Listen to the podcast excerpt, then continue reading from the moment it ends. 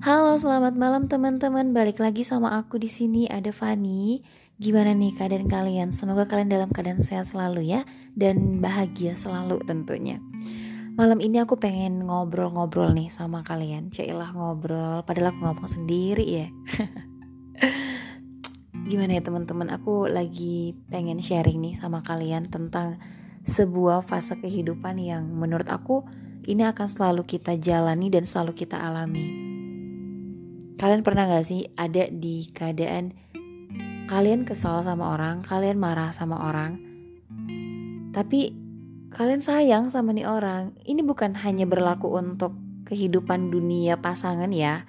Enggak, ini yang aku maksud tuh dunia secara general, hubungan secara general baik itu antara anak ke orang tua, temen ke temen, pasangan ke pasangannya, ataupun yang lainnya bisa untuk siapa aja. Ketika kita punya rasa kecewa, kita punya rasa marah, kita punya sedih dari orang tersebut, hal yang kalian lakuin itu apa? Pasti kita berpikir untuk awas aja nih, sampai nih orang butuh sama aku, awas aja. Pasti pernah dong terlintas di pikiran kalian kayak gitu. Jujur aja aku juga pernah ada di fase itu. Tapi menurut aku dengan kita punya perasaan seperti itu, perasaan yang gak baik, itu malah lebih menyakiti hati kita sendiri teman-teman. Aku sudah mempelajari pola itu selama bertahun-tahun belakangan ya. Ketika aku kesel, ketika aku marah, ketika aku cek kecewa dengan seseorang, dan aku menerapkan konsep itu, justru aku gak bahagia. Justru aku ngerasa bebanku bertambah. Sampai akhirnya aku memutuskan untuk kayaknya aku harus memaafkan nih orang deh. Kayaknya aku harus belajar yang namanya ikhlas dan menerima. Tapi susah, iya, aku tahu itu susah banget teman-teman. Yang namanya memaafkan itu sulit banget. Alasan kenapa sulit? Ya banyak faktornya, indikasinya banyak bisa jadi ada suatu hal yang ngebuat kita jadi ngerasa sakit hati atas peristiwa yang kita alami dengan yang bersangkutan. Atau mungkin yang bersangkutan itu ada ngelakuin kesalahan yang ngebuat kita jadi kecewa dan itu sudah di luar dari batas limit yang seharusnya kita maklumi gitu. Tapi yang namanya sulit itu bukan berarti nggak bisa dong. Bisa selama kita ada kemauan. Akhirnya aku coba untuk belajar memaafkan. Dan dahsyat banget ya, Masya Allah, ketika kita belajar untuk uh, ikhlas memaafkan. Benar-benar Tuhan tuh ngasih yang lebih dengan kita. Sakit emang sakit. Siapa sih yang gak sakit dikecewain? Sakit lah, sakit hati pasti. Tapi nggak apa-apa teman-teman, rasa sakit hati itu wajar rasain aja, jalani aja karena perasaan itu tuh wajar. Ketika kita punya perasaan, dia harus ngerasain apa yang aku rasain. Itu justru membuat kita jadi makin sesak dan merasa terkekang. Tapi ketika kita sudah meluapkan dan mengikhlaskan, itu jauh lebih baik dari yang uh, seharusnya kita lakuin gitu loh. Ketika kamu sakit hati, kamu marah, kamu kecewa, nggak apa-apa teman-teman dijalani aja. Disadari aja kalau emang kita lagi kesel, lagi marah. Tapi kita juga harus tahu nih batasan kita marah itu seperti apa. Kemudian ketika kita marah kita tahu handle perasaan kita. Kita tahu nih solusinya setelah ini bagaimana. Jangan hanya marah, marah, marah, marah, marah, tapi kita nggak tahu nih setelah ini kita harus apa? Tapi bener deh, memaafkan dan dimaafkan itu sangat-sangat mujarab banget obatnya. Tapi kita juga nggak bisa maksain ya untuk semua orang bisa ikhlas memaafkan seperti kita, nggak bisa. Karena banyak loh tipe manusia yang um, tidak mau minta maaf, banyak.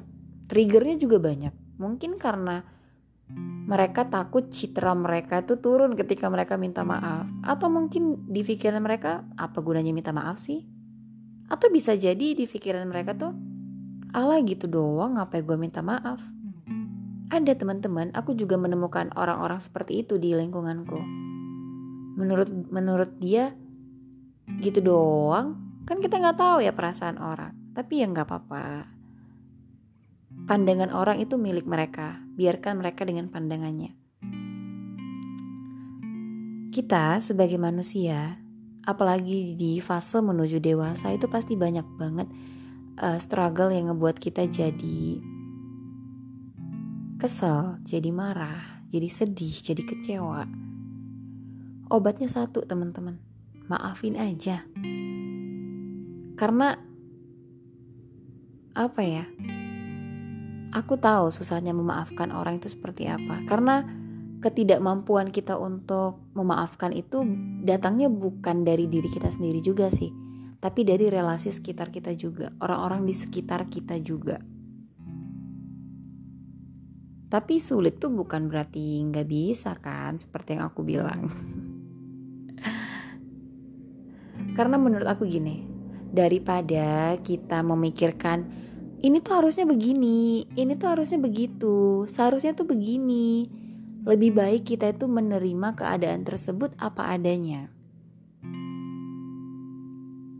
Percaya deh, ketika kita menerima dengan ikhlas, rasanya tuh lega banget teman-teman kita nggak perlu menyimpan dendam. Ketika kita nanti sudah bertemu lagi dengan yang menyakiti kita, kita jadi biasa aja. Ingatan memang akan tetap ada.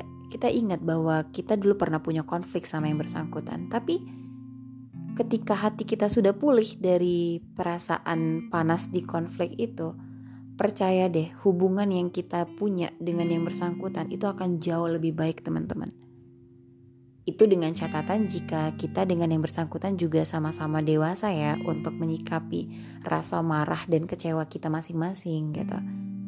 Jadi menurut aku memaafkan itu adalah kunci kita bisa berhasil melewati step by step dalam fase menuju ke kedewasaan, teman-teman. Apa pun yang kita jalani tidak sesuai dengan ekspektasi kita, nggak apa-apa. Maafin diri kita sendiri kita sadari bahwa kita memang nggak bisa uh, melakukan semuanya sesuai dengan ekspektasi kita gitu. Jangan kita malah menyakiti diri kita sendiri dengan ayo kamu harus push, harus bisa, harus bisa, harus bisa, harus. Kalau emang kamu ngerasa itu sudah di luar batas kemampuan kamu, ya udah nggak apa-apa, jangan dipaksain banget. Kamu juga harus maafin diri kamu, kamu juga harus memaklumi diri kami diri kamu bahwa diri kamu memang uh, hanya manusia biasa yang penuh dengan keterbatasan gitu. Jadi memaafkan itu bukan cuma untuk orang lain ya, maknanya itu untuk ke diri kita sendiri juga menurut aku.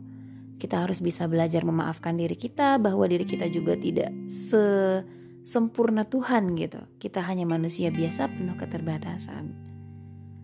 Kayaknya itu aja sih teman-teman yang pengen aku share sama kalian malam ini. Semoga ada sedikit pesan moral yang bisa kalian ambil dari obrolan kita ini Cila obrolan sampai ketemu di konten-konten aku selanjutnya kasih aku saran ya kita bahas apa? Hmm, dan semoga aku nggak mager untuk record. Sampai bertemu lagi teman-teman. See you. Good night. Selamat bobo semuanya. Bye bye